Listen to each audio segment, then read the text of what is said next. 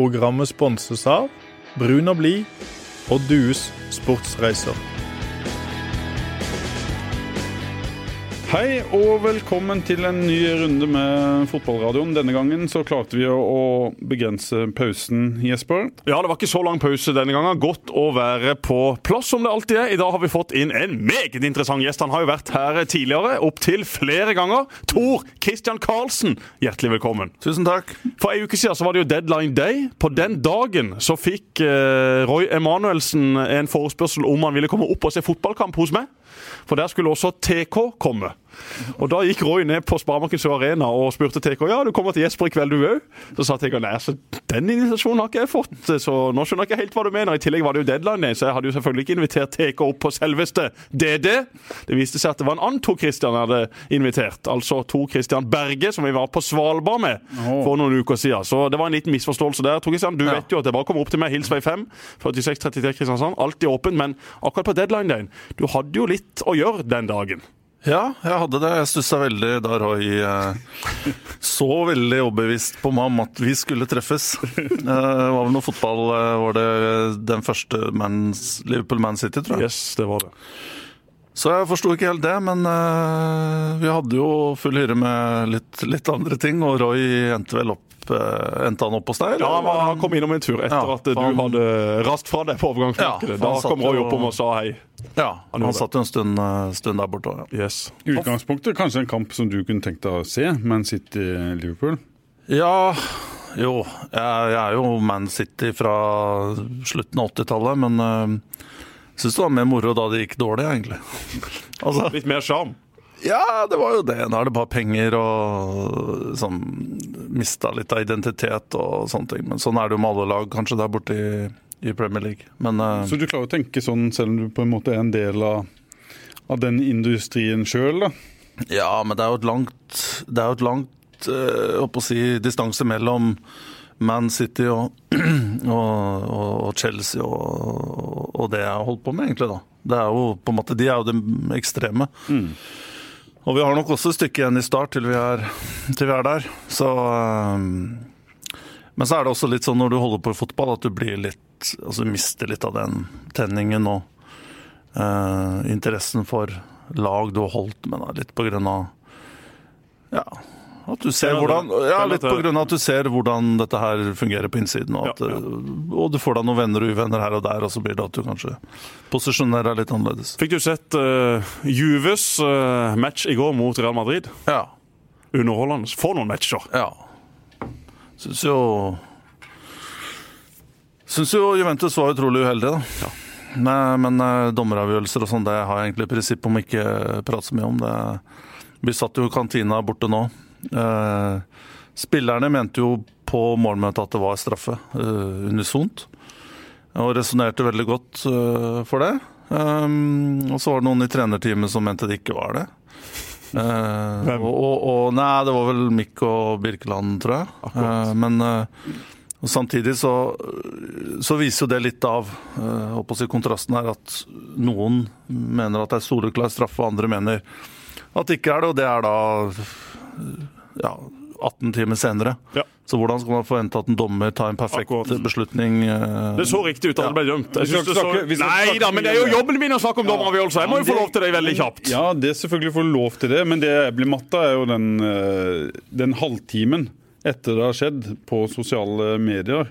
Hvordan eh, temperaturen blir Ja, ja, ja, men det er bare å følge med, så får du fasiten. Det var jo ikke noe problem, dette. Selvfølgelig var det straffe. Det var mye mer straffe enn det det ikke var straffe. Nei, det var kanskje ikke noe soleklar straffe, men at dommeren dømmer sånn, det kan jeg fullt mulig forstå. Og så forstår jeg også at han sender Buffon rett i garderoben. Og så skal det liksom være noen da som mener at nei, Buffon han er så hyggelig, han er så kjekk. Han har spilt så mange gode kamper, han har holdt så mange ganger nullen at nei, han må det være andre regler for. Du kan ikke sende ut Buffon i hans siste kamp i Champions League. Selvfølgelig så kan du det! Det kan ikke være sånn at hvis du kjører 140 på E18, så blir du stoppa og tenker jøss, Jesper, han sa noe morsomt en gang. Han er en hyggelig kar.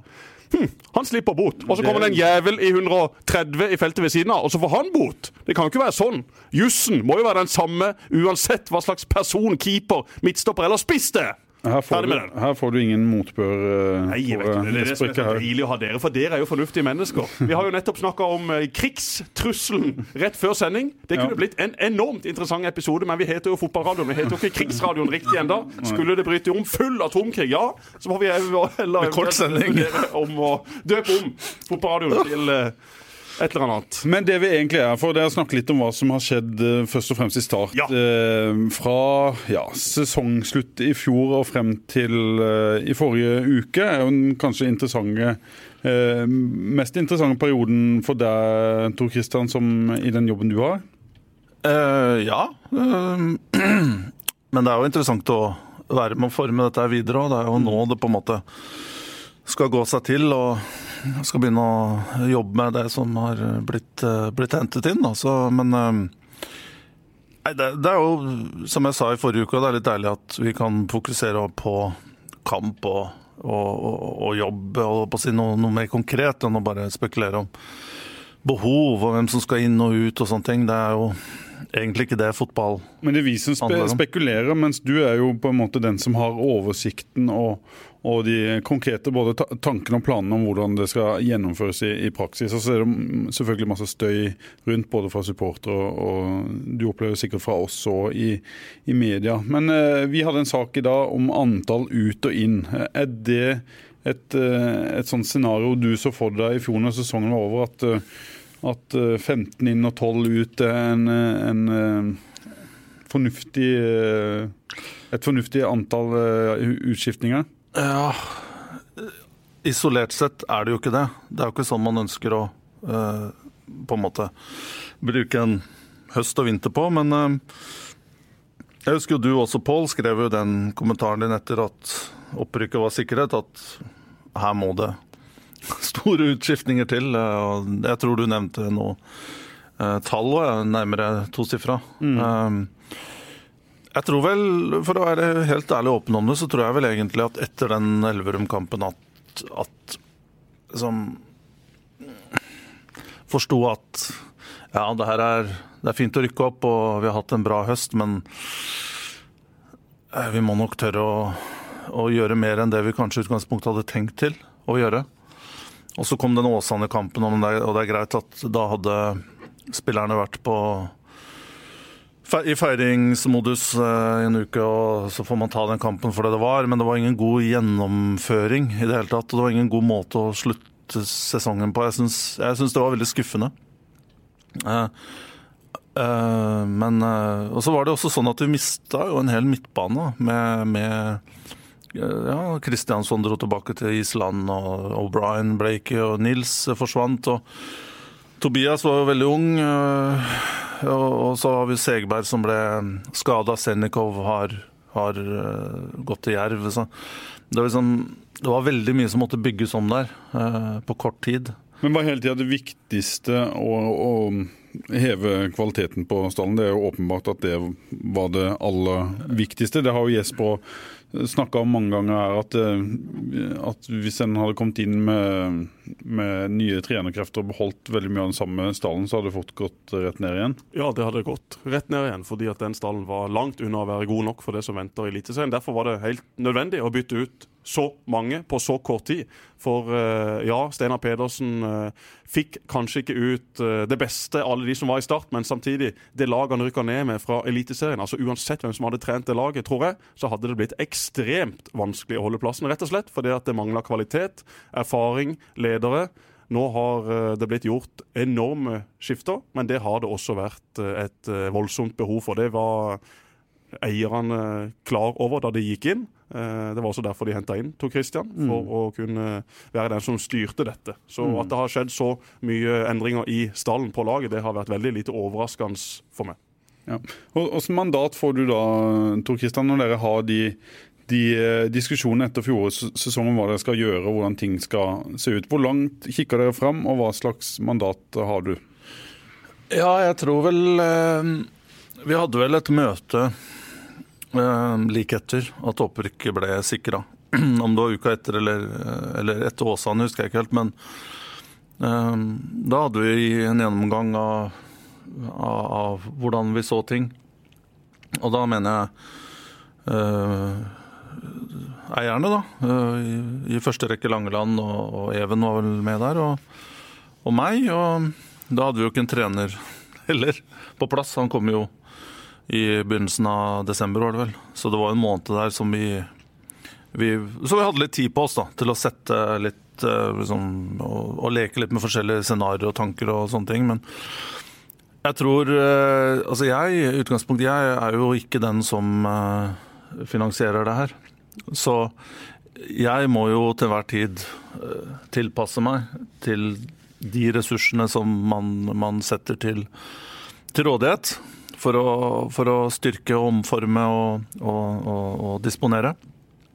Eh, men eh, men ble det allerede tidlig var det allerede tidlig diskusjon om, om antallet og, og, midler, som jo er, de forutsetningene en må ha for å, å gjøre noe? Ja, jeg, jeg, eh, jeg, fikk inntrykk av at, at eierne var veldig, var veldig klare på å starte noe litt radikalt da, eh, nå. Og det vil altså si legge et slags grunnlag Eh, langsiktig eh, grunnlag som, eh, som skal modnes og skal få lov å som skal, få, ja, som skal få tid på seg da, til, å, til, å, utvikles.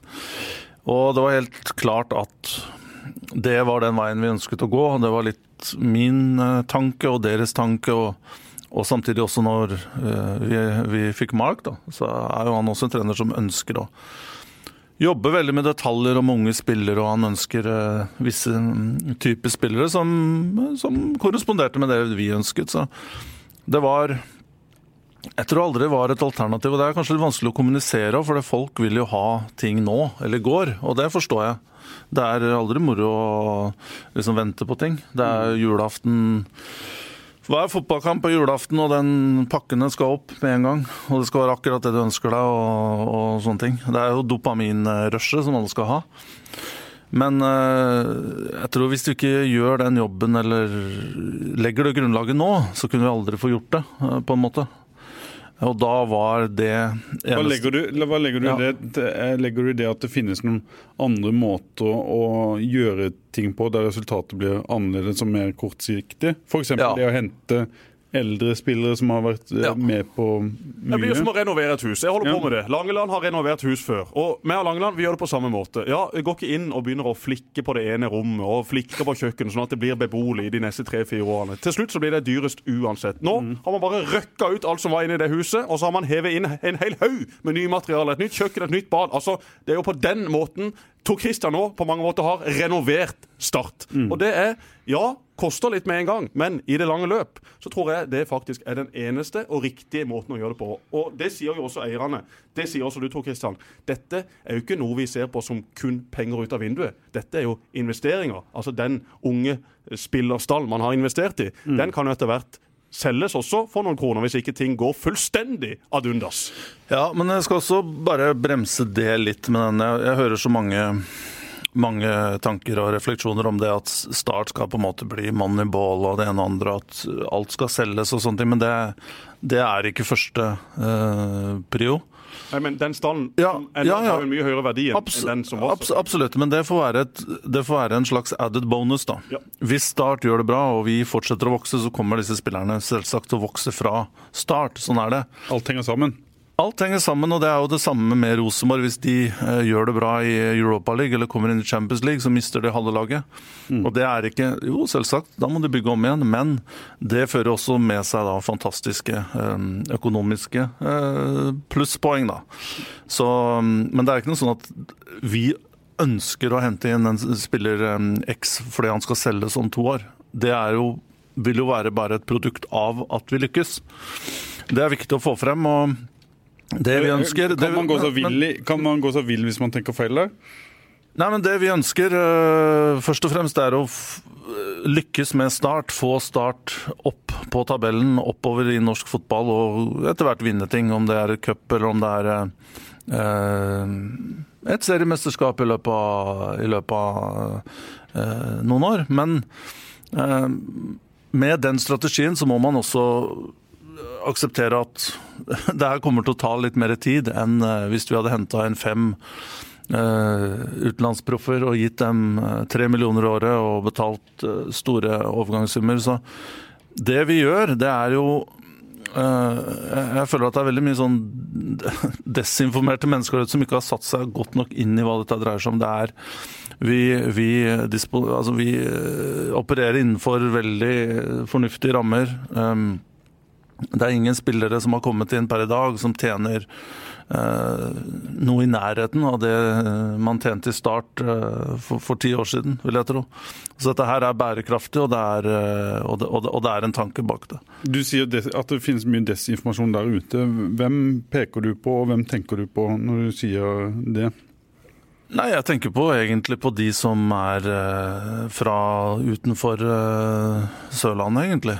Jeg føler at her så har folk liksom litt mer er tettere på, og, og vi har eh, altså, folk leser seg opp og følger det som også skrives av dere her i Federlandsvennen. Men Går det rykte liksom i Fotball-Norge om at har du hørt hvordan Start gjør det? Er det litt det du uh, kjenner eller, eller hører? Nei, men jeg tror ikke folk eh, Jeg ser litt fra riksmedia og jeg ser litt på Fotballekstra og sånne ting, og man, man uh, snakker om ting som er helt fjerne.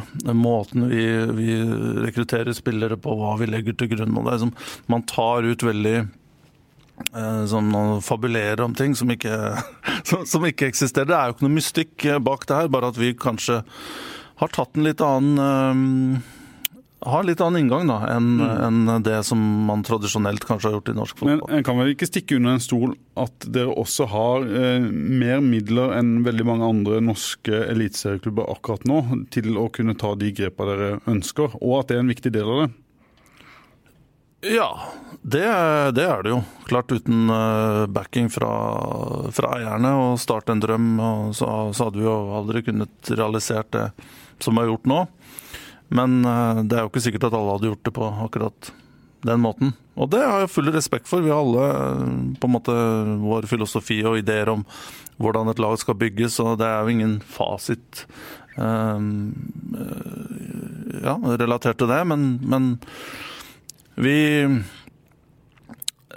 vi forutsetter at, at, dette skal vokse, og at spillerne skal få eh, fremgang, og at spillerne skal modnes. Og, eh, og, at, at, at, dette her er basisen for et godt, eh, godt framtidig startlag, og sånn at vi slipper å på å si sitte på deadline day eh, mange overgangssynder fremover og, og svette og på å si skjelve og, og, og, gjøre ting på den måten der. Men, um, det er selvfølgelig ingen som ønsker så mye utskiftninger. Ikke du, ikke Mark, ikke eierne. Men det var jo nødvendig. Det har jo vært et veldig spesielt år. Og den startstallen som var i fjor mm. sommer, den var jo en stall som var satt sammen på et eh, resultat og noen prestasjoner som var elendig i veldig mange år. Og Derfor hadde det også kommet opp mange lokale gutter som hadde fått en plass i A-stallen, som hadde fått prøvd seg på A-laget, som aldri hadde fått den sjansen hvis ikke det var for at Start var veldig dårlige de siste årene. Så det var jo som sagt, nødvendig å gjøre noe. Og så er det jo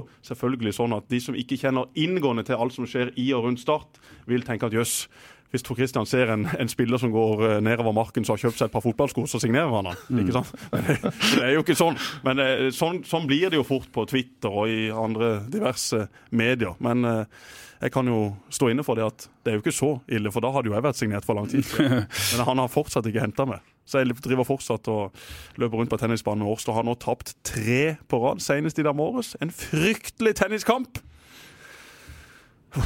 Nok om det. Tilbake nok, nok om det. Du, Tor Kristian, penger eh, er jo noe mange er opptatt av, og som, som eh, kanskje ikke folk ønsker å si så mye om, eller klubber hvor mye penger en bruker og sånne ting. Vil, vil du det? Si noe om, om eh, hva som er brukt på, på spillere i Start siden, eh, siden du kom inn og de nye eierne kom inn? Nei, det er ikke opp til meg å uttale meg om, men jeg forstår hvorfor du spør, Pål. Men jeg, jeg, jeg, tror ikke det er eh, avskrekkende beløp heller. Og det Jeg tror Min personlige mening er den største si,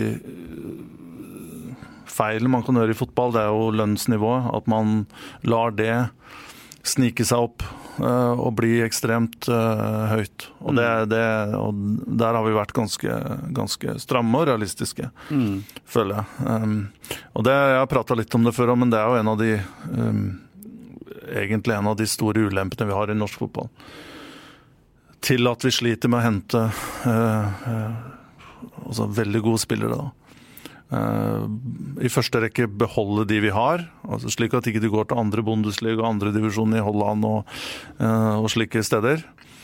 Uh, og at vi kanskje ikke klarer å, å, hente spillere fra de marked som vi ønsker. Vi kan jo f.eks. bare ta et at spillere i Polen da, mm.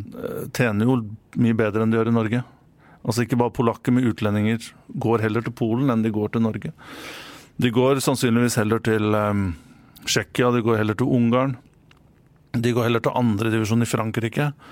Definitivt andre, kanskje tredje Bundesliga. Så det, er, det vi betaler lønninger, er veldig, veldig lavt i kan Norge. Kan du si noe generelt om det? Hvor, hvor ligger det eh, En godt betalt fotballspiller i Norge har kanskje 100 000 i måneden. En, en snakker om månedssum ofte i, i fotballen, ja. er ikke det riktig? Jo. 100 000 kan en si at det er en om ikke snittlønn, det er kanskje langt under det og Eliteserien, men en, ja. en, god, en, god, lønn i start?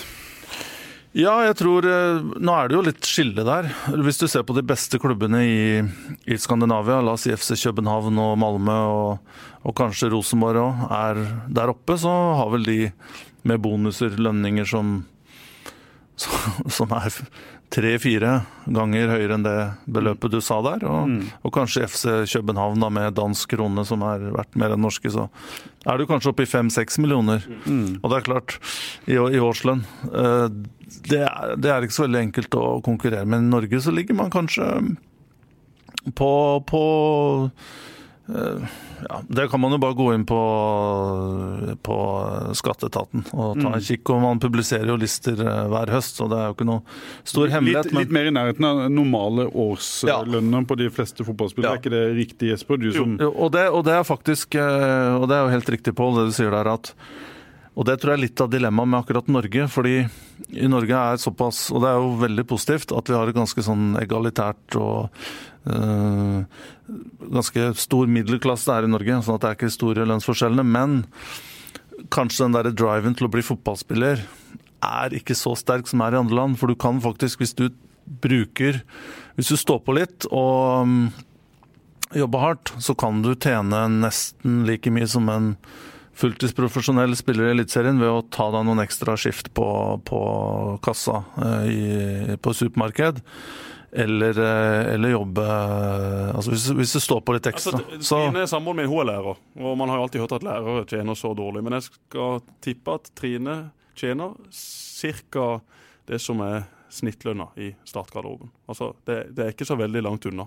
Eh, og For ti år siden så var det helt andre lønninger i norsk fotball. Ja. Nå er lønningene på et uh, si, mm. ganske mye mer normalt nivå enn det det var. Og nå er det ikke sånn at det er veldig mange fotballspillere i Eliteserien som tjener langt over millionen, eller som tjener litt over millionen. Tar du bort de største klubbene, så ligger lønningene rundt forbi på rundt 500 700 000. Mm.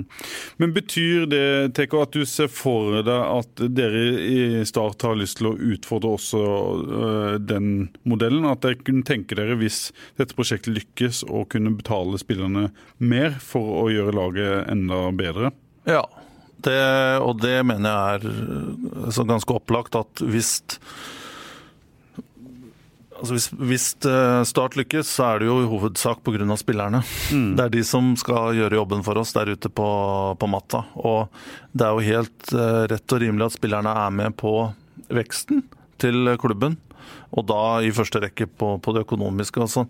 og der, så er det en usynlig hånd da, som at det her justerer seg etter hvert. Spillerne, altså markedet. Uh, bestemmer mer eller mindre nå. Og Sarpsborg er kanskje litt sånn der eh, unntak at uh, per nå så klarer de å holde en, en veldig stram uh, lønnspolitikk der, med en cap, tror jeg. Mm.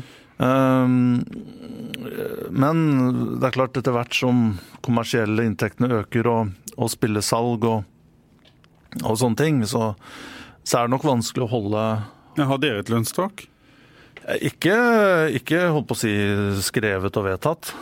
Ehm, og jeg har også følelsen av at ehm, hvis det kommer opp spillemuligheter eh, som gjør det interessant for oss å strekke oss litt lenger enn det vi har gjort, så kan det også være. Men da, da må det presentere seg. Eh, og det er klart, dette her det her må bygges over tid. Det vil vel være sånn at Hvis du får lagt fram et case sammen med eierne som sier at ok, her kan dere bruke en del ekstra kroner på et ekstremt spennende objekt, men for det første kan han leveres sportslig, men i andre enden så kan han kanskje stelles altså Slik som Rosenborg gjorde og gjør med Niklas Bentner, som eh, de fikk hit, som de garantert har betalt uh, veldig mye mer enn det resten av spillerstallen får. Men så kan det jo være at til sommeren at de kan cashe inn den og få solgt den til Kina, og så var det plutselig happy days for alle sammen.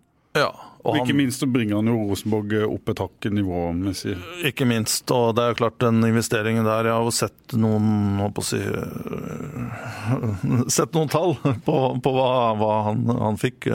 Nå vet jeg ikke om det er helt korrekt, men det er, jo, det er jo store summer. Men det er vel noe han allerede har spilt inn øh, og tjent inn for, for RBK. Så det er jo, men, men det er klart Jeg tror en lønnsvekst må skje over tid. da. Det er jo ikke sunt å ha en spiller på som tjener fire ganger mer i månedslønn enn en, en gjennomsnittet. Og det kan jo føre til alt mulig slags dårlig dynamikk da, innad i, i gruppa, hvis han ikke leverer. Det er klart, hvis du, hvis du skårer 25 mål og sånn eh, viser til resten av gruppa at uten, uten meg, så er dere et middelmådig lag, så er det klart da, Da er aksepten der. Altså, Ja, Christian men- Bolanos kunne godt tjent en million mer enn meg da han var i start, og ingen hadde reagert på det. Nei. Men problemet blir jo hvis Hvis du henter inn en spiller som Ja. Mm. ikke leverer, og så går på ei høy lønning, og så sitter du der sjøl og spiller bra i kamp etter kamp. Da er det jo lett å komme opp på døra til TK og spørre du, skulle vi sett på en uh, lønnsforhøyelse, eventuelt en lønnsnedgang på han uh, tullebukken som sitter i hjørnet i garderoben?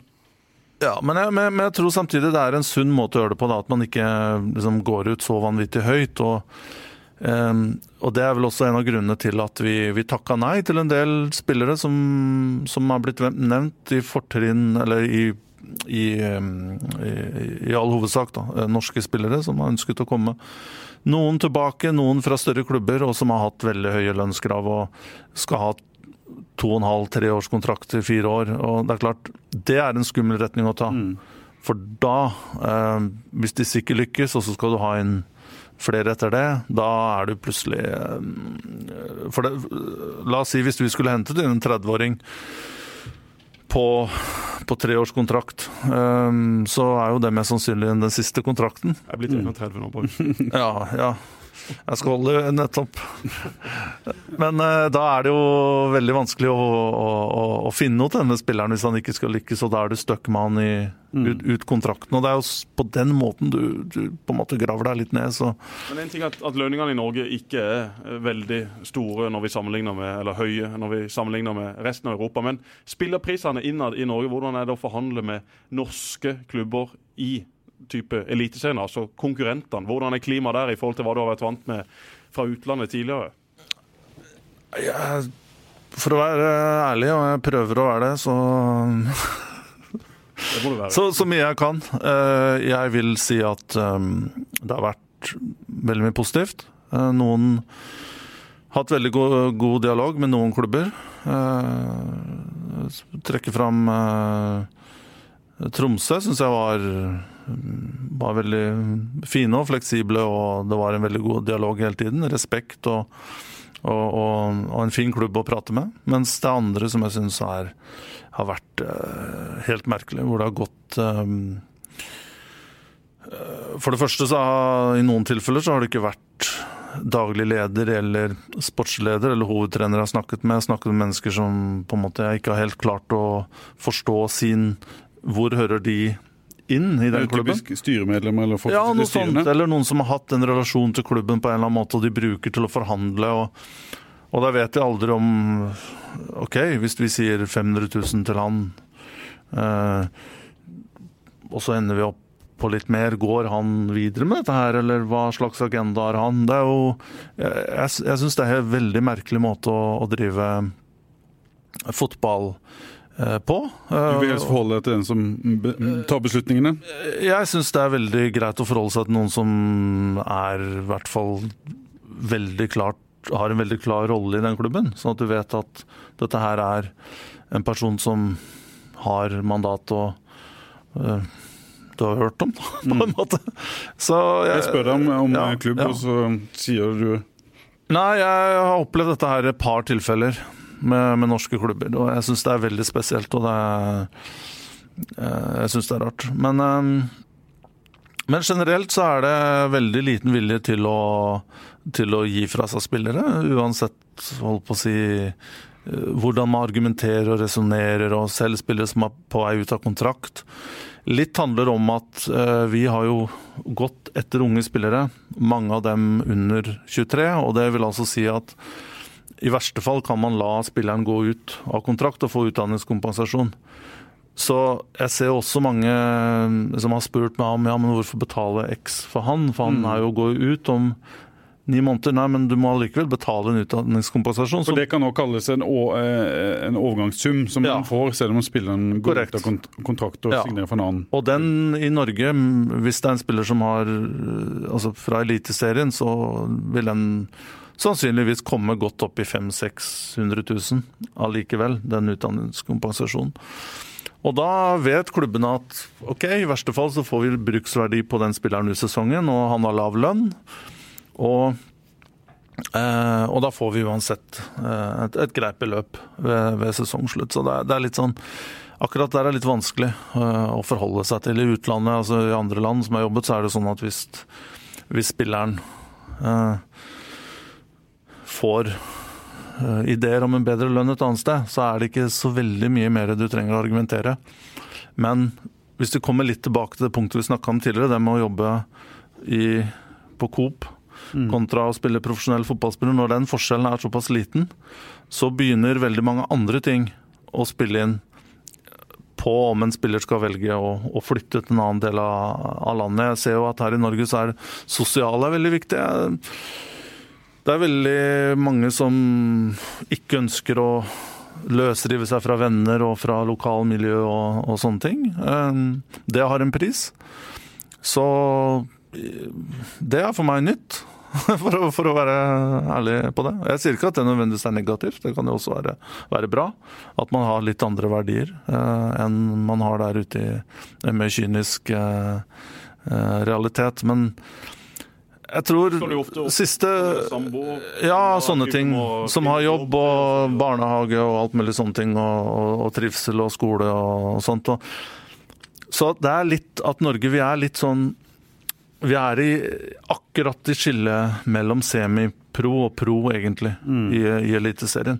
Og da melder det på seg veldig mange andre mm. faktorer som man må, man må forholde seg til. Og det handler ganske mye om økonomi. I, til syvende og sist i og med at en, en må ta mange andre hensyn. Ja, absolutt. Um, og siste poenget her, uh, Pål, det tror jeg er det at i Norge så er vi altså Overgangsmarkedet er ikke så dynamisk og utvikla som det er f.eks. i Sverige, da, hvor det er mye mer tradisjon for å flytte spillere mellom klubbene, adressere behov. Uh, vi har en venstre, to venstrebacker, du og dere har en ving. Så kan vi liksom få gjort en deal der? Eh, og, og, og spillerne er nok eh, Ja, kanskje Kanskje, da. Nå spekulerer jeg, jeg skal ikke ta dette her for langt og blande inn sosiologi og samfunns, eh, samfunnsforskning, men eh, kanskje i Norge så mangler man bitte litt ambisjoner. At man liksom Jeg tenker noen ganger at Hei, som profesjonell fotballspiller så har du et vindu på kanskje 15-16-17 år. Maks. Fra du er 17 til du er 35-18 år. Men du kan også gjøre det smalere, det vinduet der. Og Så er det litt sånn, ja, men hei. Gjør da, gjør da det beste ut av den Av den Av det vinduet du har der. Og så kan du være sammen med vennen din, og det er jo ikke sånn at holdt på å si, du flytter til holdt på å si Austra Australia eller til Grosny. Så jeg tror kanskje her i Norge at vi har det veldig godt, og vi har det fint, og mange er komfortable med å trene på ettermiddag. Noen er det å ha en jobb på sida, men det er jo litt sånn hvordan vi er, hvordan vi er laga. Når du er i dialogen med, med norske klubber, for å ta det, det først, kan du få en sånn følelse av og til at, eh, at det er hindre i veien som egentlig ikke trenger å være der. Som handler mer om, om konkurranse eller misunnelse eller eh, hegemoni eller den type ting? Ja, absolutt. Uh, jeg tror jeg, jeg, jeg, tror, og jeg har sagt her tidligere, at, at det har vært spesielt på et par-tre spillere som jeg har fått inntrykk av at vil til start. Jeg har fått signaler på det, og, men klubbene om, om, vi hadde budt X, Y eller Z, så ville ikke de ha solgt til start.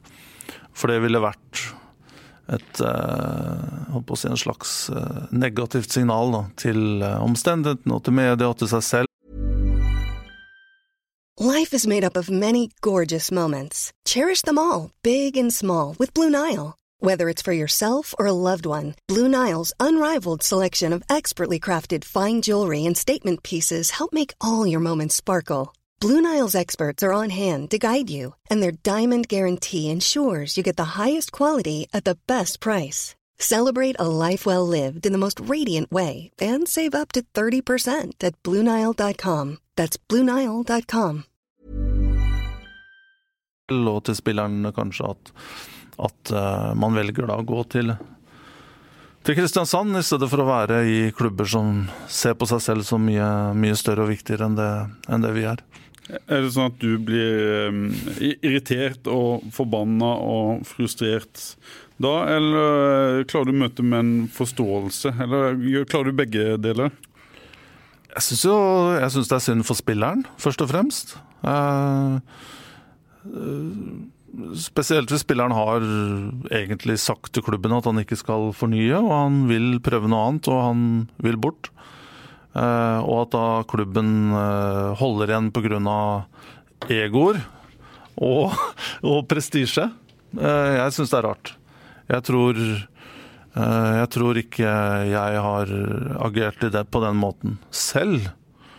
Mm. Og om jeg var på andre siden av bordet, så tror jeg, tror jeg ikke jeg hadde gjort det. Du må inn på litt hva, som faktisk er gjort. Eh, TK, jeg har skrevet, og andre har sagt det, at, eh, at denne stallen kanskje mangler litt rutine og tyngde og erfaring og flere eliteseriekamper. Og så er det åpenbart at dere har jo eh, Vi har vært innom navn før. Vi har skrevet i Fedrelandsvennen både om Johan Leder Bjørdal og eh, Jørgen Horn. Folk med den type erfaring. Var det eh, et ønske om å ha en eller to den type spillere inn også? Mm.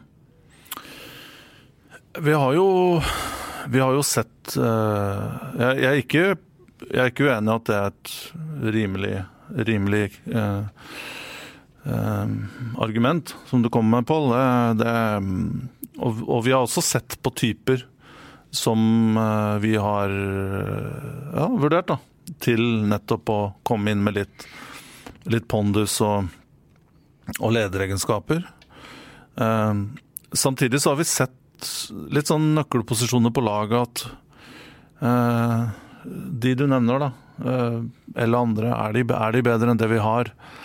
Um, kan vi garantere at vedkommende får en fast plass på laget? Uh, passer det inn i spillestilen? Uh, så er det mange, mange sånne betraktninger, og så har det jo en pris, da. Men jeg ønsker, og jeg tror Her er også Mark med meg, og jeg tror Kristoffer Langeland og eierne og, og, og styret i Start er at vi ønsker spillere som vil til Start, og som ønsker å eh, spille for Start. og det har vært caser i vinter hvor, hvor vi har gitt tilbud til den type spillere som du nevner. Og som har ønsket uh, å på en måte gjøre seg selv veldig, veldig uh, precious og, og uh, har litt misbrukt den tilliten. Mm. og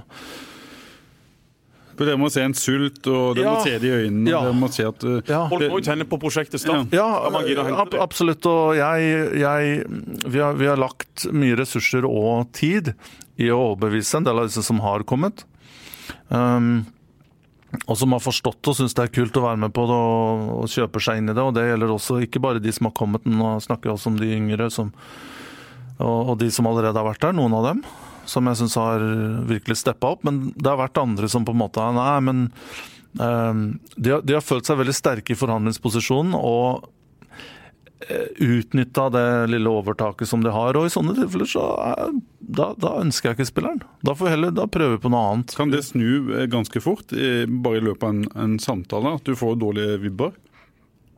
Nei, samtalene, Paul, tror jeg egentlig forløper seg ganske likt. Fordi i utgangspunktet så vil spillerne sitte og høre, og de nikker og syns det er bra det du sier. Og, Men når, det, på en måte, når de får tenkt seg, si, tenkt seg litt om Nå blir det litt feil måte å si det på, men, men det er veldig sånn at det er deilig å føle seg ettertrakta. Det er deilig å få et tilbud, og så Ja. kan du sitte og, sitte og kose deg litt med det. Eh, og det er, når, det er når responsen kommer der, da skjønner du om dette er en som faktisk vil være med på det eller ikke. Hvor mye av det er agentstyrt? Hvor mye har agenten å, å si når det kommer tilbakemeldinger at uh, hyggelig samtale, men hvis jeg skal komme, så skal jeg enda mer enn det vi snakker om. Jeg skal ha så mye.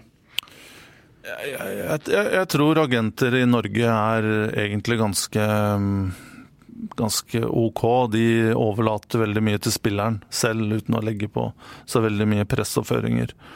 Um, så til slutt så tror jeg det handler om at spillerne eh, gjør opp sin egen mening, men for oss er det viktig at man faktisk, som jeg sier, vil være med på det her, altså, og, og, og forstår um, hvor vi, hvor, vi, hvor vi skal, og, og hvordan de kan bidra. Eh, og et annet poeng her òg, er jo at eh, er at i de nøkkelposisjonene, da, la oss si midtstopper, eh, som du var inne på, eh, så har vi jo hatt et stoppepar som har sett veldig bra ut. Ser veldig bra ut fortsatt, selv om det har vært litt rufs her og der. Men det har det vært i begge ender av laget. Mm. men til tider så syns jeg Damien og Simon har sett ut som bortimot beste stoppeparet i Norge når de spiller Altså når de er der på begge to. Og så tenker vi skal vi, liksom, skal vi ødelegge det, da? Skal vi bryte opp det? Eh, så vi valgte å, å, å gi dem den tilliten som de har fortjent, synes jeg, da, i løpet av, av preseason. Og det andre, jeg også tenkte på en annen nøkkelposisjon når det gjelder hvor mange ønsker rutine, og det derre ankerrollen. da.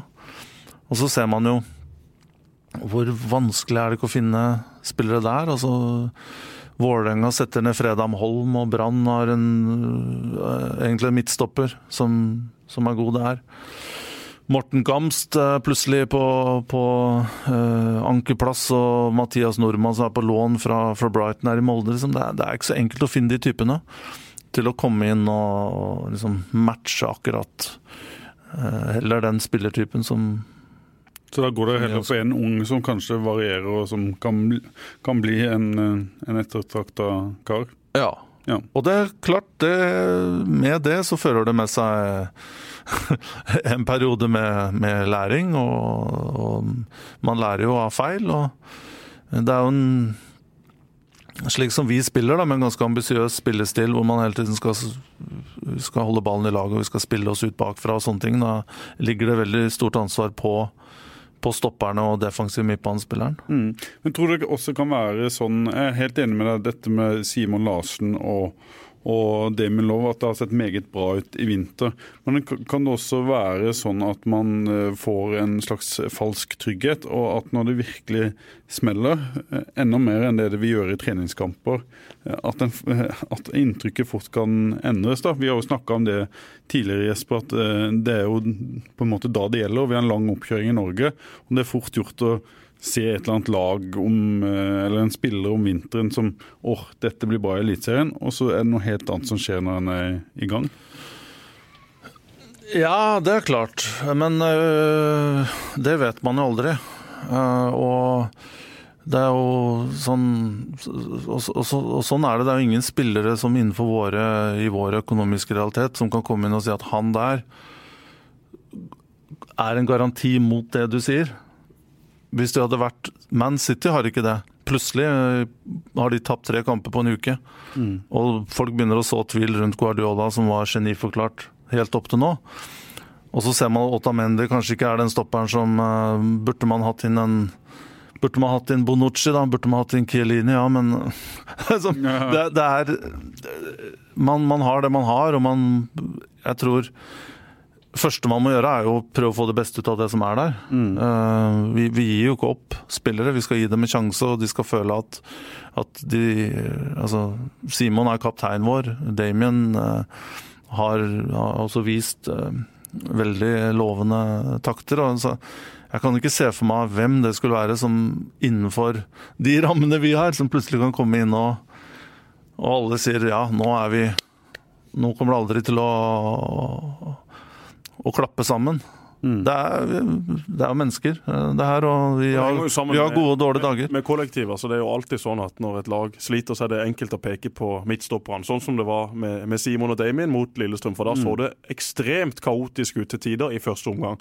Men så kan man jo også se på hvorfor blir de satt i mm. vanskelige situasjoner. Jo, det er jo balltap på vei fram. Ok, mm. Da kommer Lillestrøm galopperende med Lene Olsen, med Knutson, masse bevegelser rundt den. De to står da ofte litt alene, og så ser de ekstremt dårlig ut. Nå skal ikke jeg forsvare Nei. det stopperne leverte på Åråsen, for det var altfor dårlig. Det var altfor svakt. Og Jeg skulle gjerne sett en tydeligere leder i de bakre rekker, men det blir fort sånn at når laget svikter, så er det midtstopperne som ofte får uh, kritikken, for da ser de veldig dårlige ut. Og Jeg har spilt enormt mye dårlige kamper som midtstopper sjøl, og det var ikke alltid sånn at det var laget sin skyld at ikke jeg fungerte. Men hvis laget ikke fungerer, hvis laget er spredd over hele banen når du mister den ballen, da er det veldig vanskelig å se god ut. Det ser du på Tottenham, det ser du på City, det ser du på de største lagene, som får midtstopperne sine hylla i de aller fleste kamper. Men så kommer det også kamper der hvor disse midtstopperne ser veldig middels ut. Og det er jo for at laget ikke henger sammen. De mister ball på vei fram. Det kommer løp på alle kanter. Og da kan selv ikke Bonucci og gutta se fantastisk ut i hver eneste kamp. Så det jeg tror er det viktigste for Mark med dette startlaget, er ikke å få inn en eh, ny midtstopper akkurat nå, men å få satt opp dette laget slik at det fungerer også defensivt. Ja, det er fantastisk moro å se på et startlag som fungerer når de skal spille sin fotball, men så må man jo også bli såpass solide etter hvert og et bra mm. kollektiv som gjør at man kan skjule en del av de svakhetene som det selvfølgelig vil være hos alle spillere i norsk eliteserie. Mm. Du, Jeg har jo også uttrykt en bekymring. Nå skal ikke jeg komme med alle mine bekymringer her, men Du, no, er bekymra? Du var bekymra for atomkrig for en halvtime siden.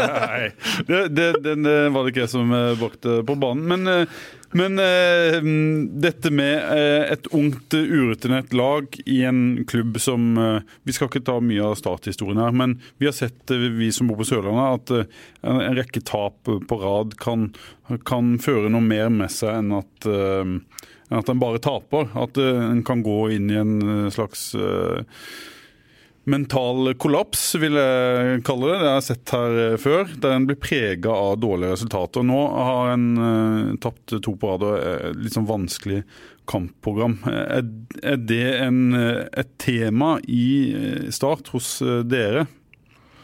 Nei, det er ikke noe tema. Og det, det er klart eh, vi, vi, vi, vi ser fram til Vålerenga. Vi, vi lærer. Eh, Jesper er litt inne på hva som skjedde mot Lillestrøm. og Det var et nytt, nytt scenario for den gruppa her. og Mange grunner til at ikke vi lykkes der, men samtidig så har vi 62 av ballinnehav. Og vi har vi har vel flere avslutninger på mål, faktisk, enn Lillestrøm. Um, og jeg tror det er ingen lag sånn per snitt per kamp som har skapt flere sjanser enn Start hittil i sesongen. Og jeg tror òg mot Sandefjord så hadde vi vel 72% possession, og Tromsø så hadde vi vel også, var vi oppe på 60-tallet, tror jeg. Så det er klart det, Mange av de prinsippene, eller hovedtanken bak det vi ønsker å gjøre, det er der. Mm. Altså Det må være et styrende lag å uh, bygge opp uh, bakfra. Og så er det jo ting eh, som man lærer på veien når man ser at her, her, liksom, her skulle vi vært mer våkne, og her er det dårlig organisert og osv. Men um, jeg tror så man kan ikke begynne å leke med scenarioer om ene og det andre. Det, vi må leve i realiteten, og realiteten at vi har kamp mot, mot, mm. mot uh, Vålerenga. Og vi skal komme oss godt uh, ut av den. Men hele tiden så tenker vi langsiktig.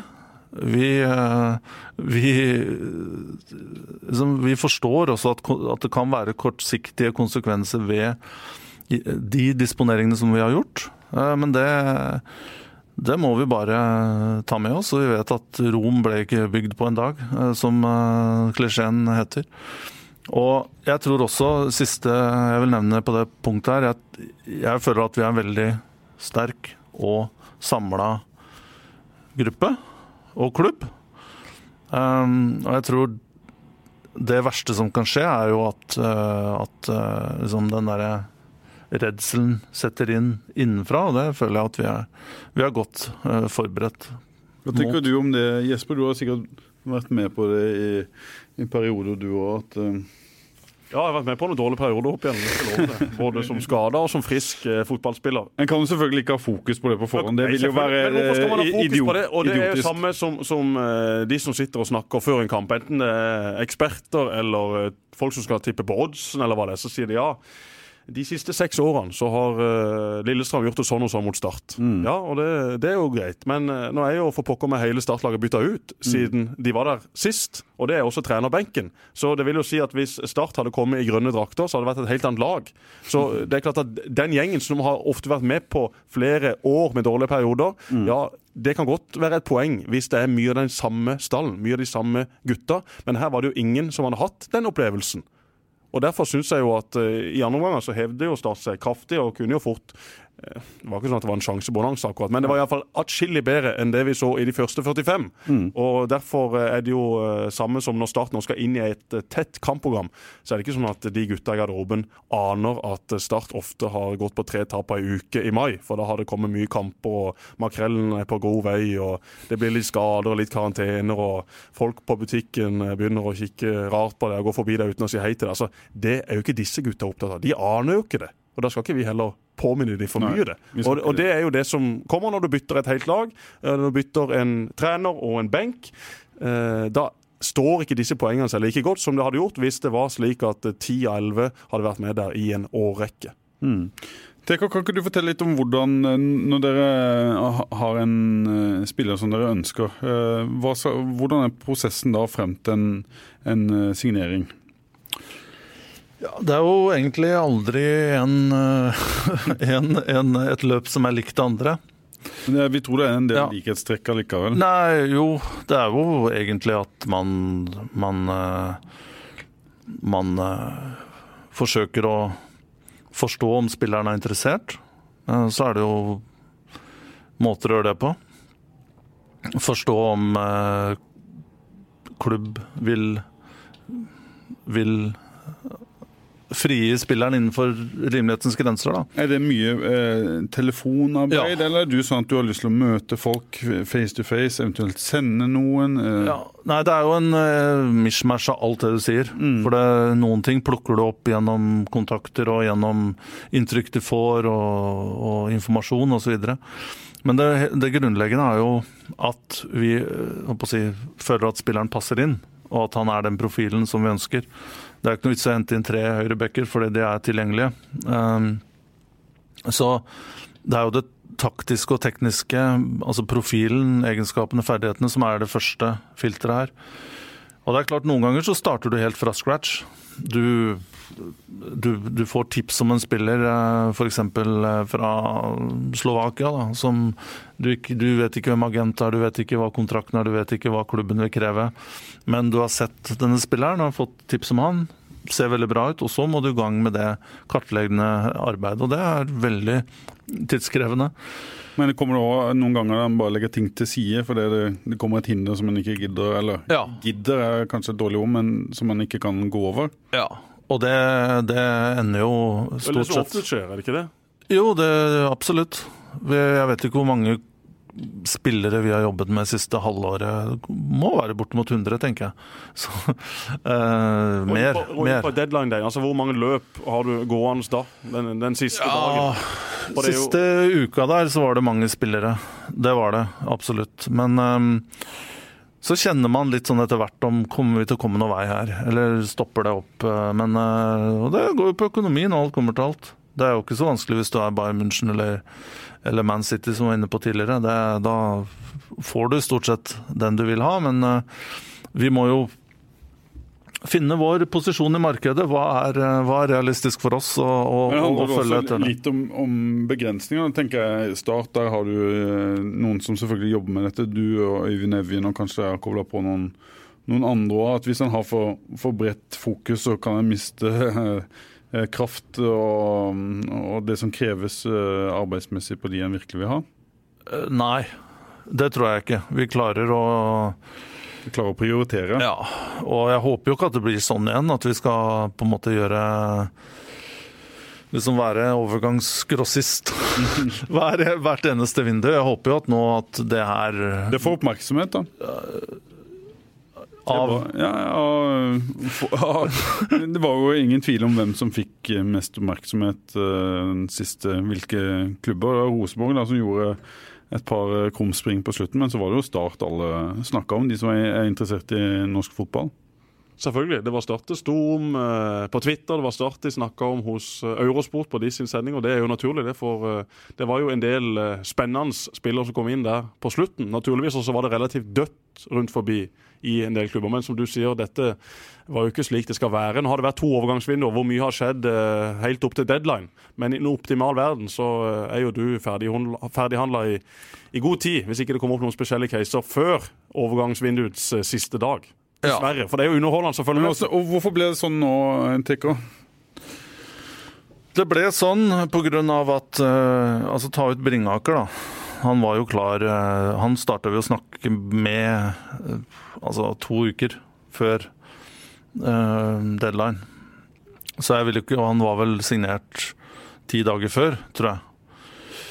Så jeg vil jo ikke si at det var liksom Det var en vinter, vinterovergang, uh, som de fleste andre her i Norge. De andre Skånes har vi jo, har jo jobba med i mange måneder uten at det har vært noe noe gjennombrudd der. Og han er jo kanskje eksempelet på, på en spiller som virkelig vil dette her. Og det gjorde jo oss enda mer kine på å få han hit. Fordi han var ekstremt fokusert på å komme til start. Og, det hørte vi jo sist han ja. var på besøk her. Han hadde jo sendt fruen i forveien i tillegg. Det var ikke noe tvil om at han ville ned til Sørlandet. Nei. Det, så det var egentlig vi, vi, vi, valgte å gå en ekstra mil uh, eh, pga. de signalene som han også sendte.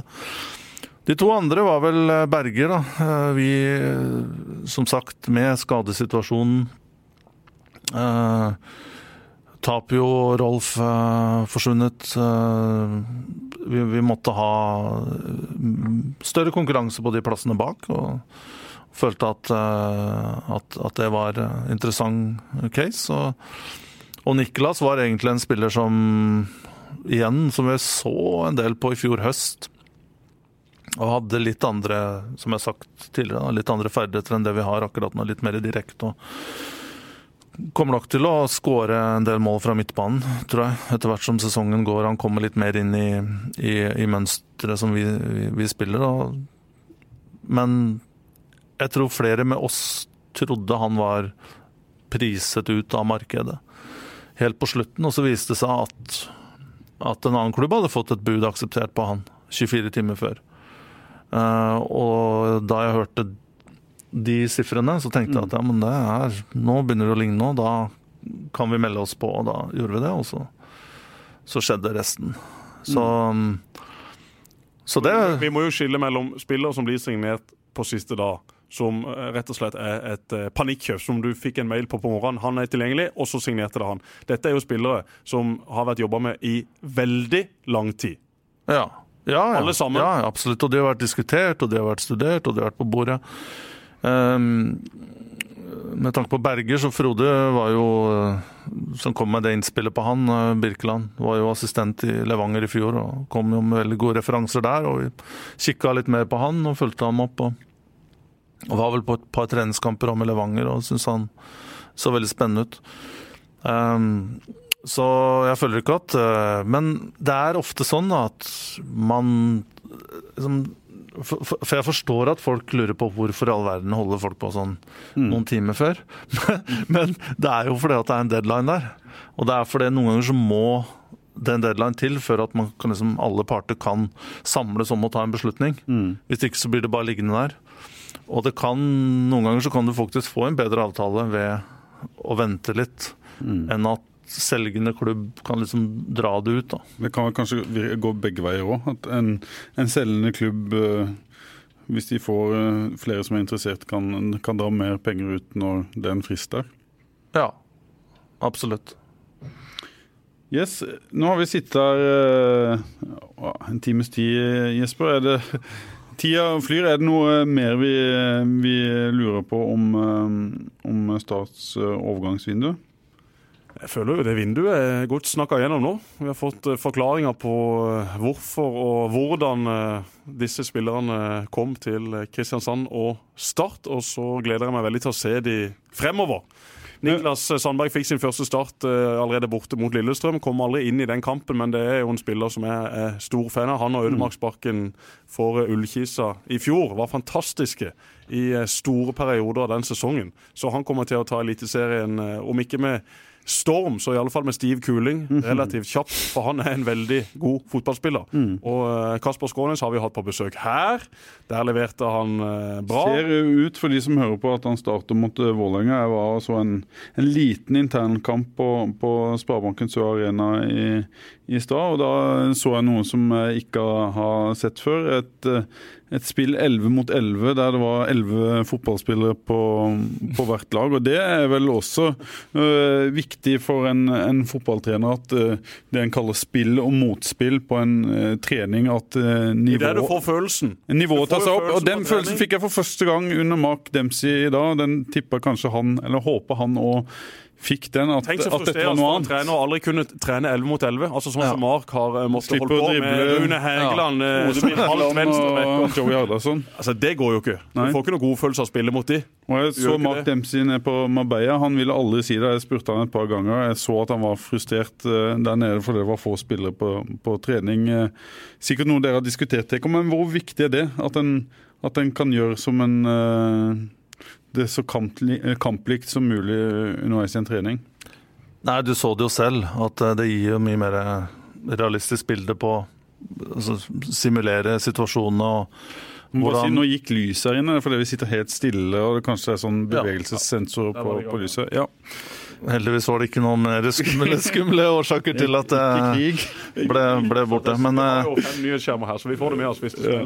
Du så jo selv, Pål, at hvordan Mark han stoppa jo spille sånn hvert andre minutt og instruerte og viste. og Da blir det nok når du får strukket ut banen òg, da. Du, da blir det litt plass og rom, og du er enklere å illustrere hvordan ting ser ut eh, i en kamp. Så. Og så hadde vi en to-tre Start 2-spillere som var innom og, og supplerte, og gjorde faktisk eh, veldig godt inntrykk.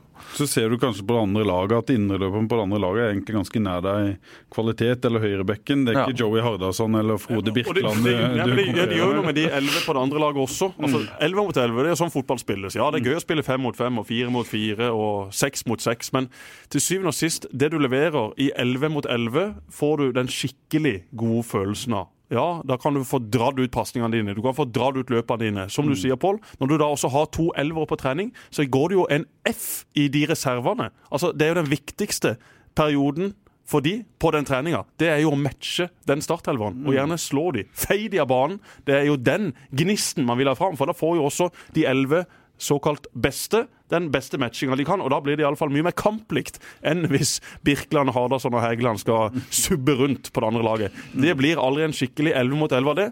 At man kan få trent gjør det bra for de som er i en elver, men også veldig mye da, for de som skal være sharpe og klare, og eventuelt da kan faktisk imponere seg inn på et eh, lag ved hjelp av ei god treningsuke. Og så, og så er det jo nå, kanskje for første gang, dere vet jo bedre enn meg, men for første gang kanskje på en del år i start, da, hvor det er litt prestisje faktisk å komme inn i, i matchtroppen.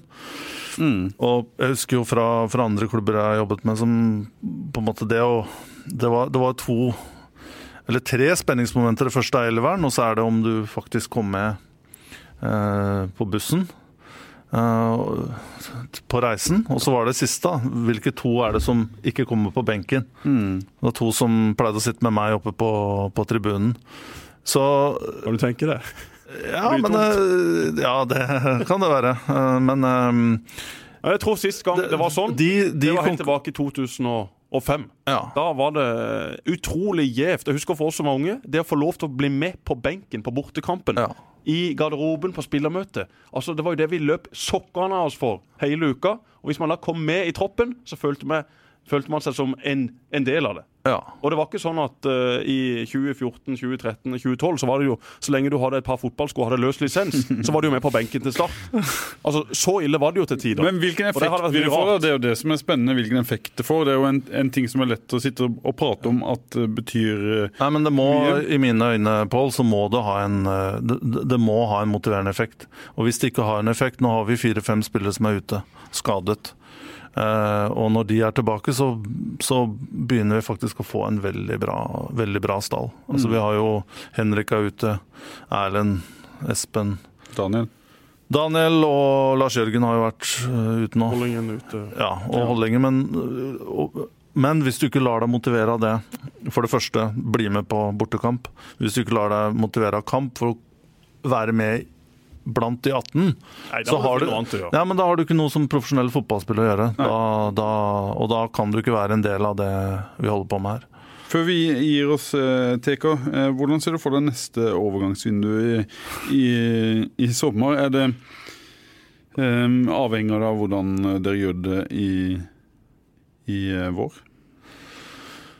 Uh, Nei, ja, det gjør det vel. Altså, jeg skal ikke utelukke at altså, alt dette her er dynamisk. Vi vet aldri hvordan ting vil forløpe seg, og prioriteringer faller jo på plass ut ifra hvor du står der, og da. Men eh, nå, det er klart disse som har kommet inn, og disse nye eh, som kom i, både før og etter nyttår, eh, og i fjor høst, og de unge og de andre skal alle få, få sjanser. Som sagt, det har vært mye skader og vært mye tull og rusk i hele preseason. Så når det legger seg, så skal det bli deilig å få, få, få at alle skal få en, en fair mulighet til å spille seg inn i det her. Og, men det er klart, når denne pausen kommer eh, litt eh, ut i eh, slutten av juni, begynnelsen av juli, så er det klart at vi må se hvor, hvor står vi, hva, hvor, hva er det som har fungert, hva er det som ikke har fungert. Hvordan går vi inn i høsten? Um, Men det er jo ikke til å legge skjul på at det var noe som var ugjort også nå i, i vinter, som vi ikke fikk på plass. Så arbeidet med å, med å korrigere det er allerede i gang, egentlig.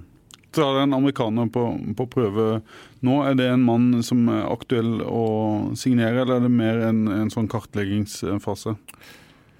Eh, han, uh, han skulle til Norge uh, og til, Skandinavia, og vi fikk spørsmål om han kunne komme innom og, og vise seg fram. Trene med oss. Vi takka ja til det. Jo, han er jo en kjenning fra MLS. Han, var, han var på blokka i desember. Vi kikka litt på han.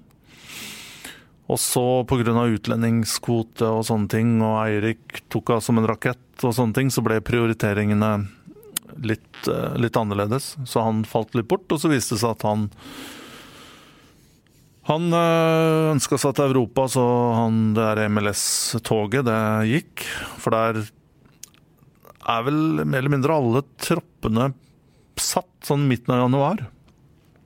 Eh, Så han, så han ble ikke igjen der, og da Han, han er jo uten arbeidsgiver per i dag, så teknisk sett så er det mulig å, å, å tilby han en kontrakt. Og, så vi skal ha en samtale nå i løpet av ettermiddagen eller i morgen og uh, gi han litt tilbakemelding, og så ser vi han. Men uh, teorien så kan det være en som, som muligens kan bli med oss videre utover. Yes, Skal vi si eh, det er nok for da. Skal vi si to ord om Vålerenga-kampen og forventninger til den, eh, Jesper, før vi legger på røret? Folk må jo bare komme seg på kamp. Start Vålerenga blir en eh, meget interessant kamp, en meget viktig kamp for Start, som nå har eh, gått på to blemmer etter en fantastisk åpningskamp mot Tromsø. Vålerenga vil jo angripe, det vil også Start. Deila kommer ned med sin gjeng, har en giftig Sam Johnson på topp, har en eh, midtbanetrio som jeg tror skal få kjørt seg mot Starts midtbanetrio. Jeg tror, eh, Er du enig med meg når jeg sier at litt bedre forutsetninger for en, en god startprestasjon i en sånn kamp som dette enn mot Lillestrøm borte? I aller høyeste grad. Jeg tror Start får med seg et resultat mot Vålerenga. Samtidig så er jo Vålerenga et lag som har et uh, veldig høyt toppnivå. Juklere og Juke på, på, kantene de er giftige. Hvis uh, de får uh, litt for mye rom å kontre i, så skal både Kjekk og Vikne få jobba godt for Kanskje spesielt er Juke, da, som mm. eh, på sitt beste er en av de beste i hele Eliteserien. Juklerød kanskje litt mer stabil og en eh, holdt på å si, litt eh, bedre relasjonsspiller. Men eh, det er ikke gøy å møte de som back hvis de har dagen. Så Vålerenga har et høyt toppnivå. De også har jo skuffa litt nå i, i det siste. Men jeg tror vi får en åpen, underholdende kamp. Mye sjanser, over 2,5 mål og uh, hjemmeseier til uh, de gule og de sorte. Det hadde smakt ekstremt godt. Ja, det hadde det. Det er vi enige om, uh, alle som er her. Og så vil vi bare takke for alle som, som hørte på, og ønsker velkommen igjen ja, til uka? Vi, ja, Vi må se om vi får det til til uka. Se om vi får det til? Ja, vi får, gjør det. Er det ikke masse cup og det er jo kamper hver dag? Skal jo spille mot Vigør Håndball og fotball og jo Håndball? Ja, sånn eh, Totalt uinteressant. Sånn Totalt uinteressant! Det så dere i går hadde en overskrift om at nå var eh, Hvor mange venter, venter Hvor lang ventetida som var over nå? Ventetida? Ja, altså Ventetid på en eller annen gull. ikke sant? 80, ja, 28 års, 38 års ventetid over. Det er jo ikke det. Vi venter jo fortsatt. Ja, på fotballgullet venter altså, Ventetida på et gull blir jo ikke over fordi at Vippers har et gull i håndball. For noen gjør det det, Jesper. Ja, Men ikke for oss! Takk for i dag. Programmet sponses av Brun og blid og Dues sportsreiser.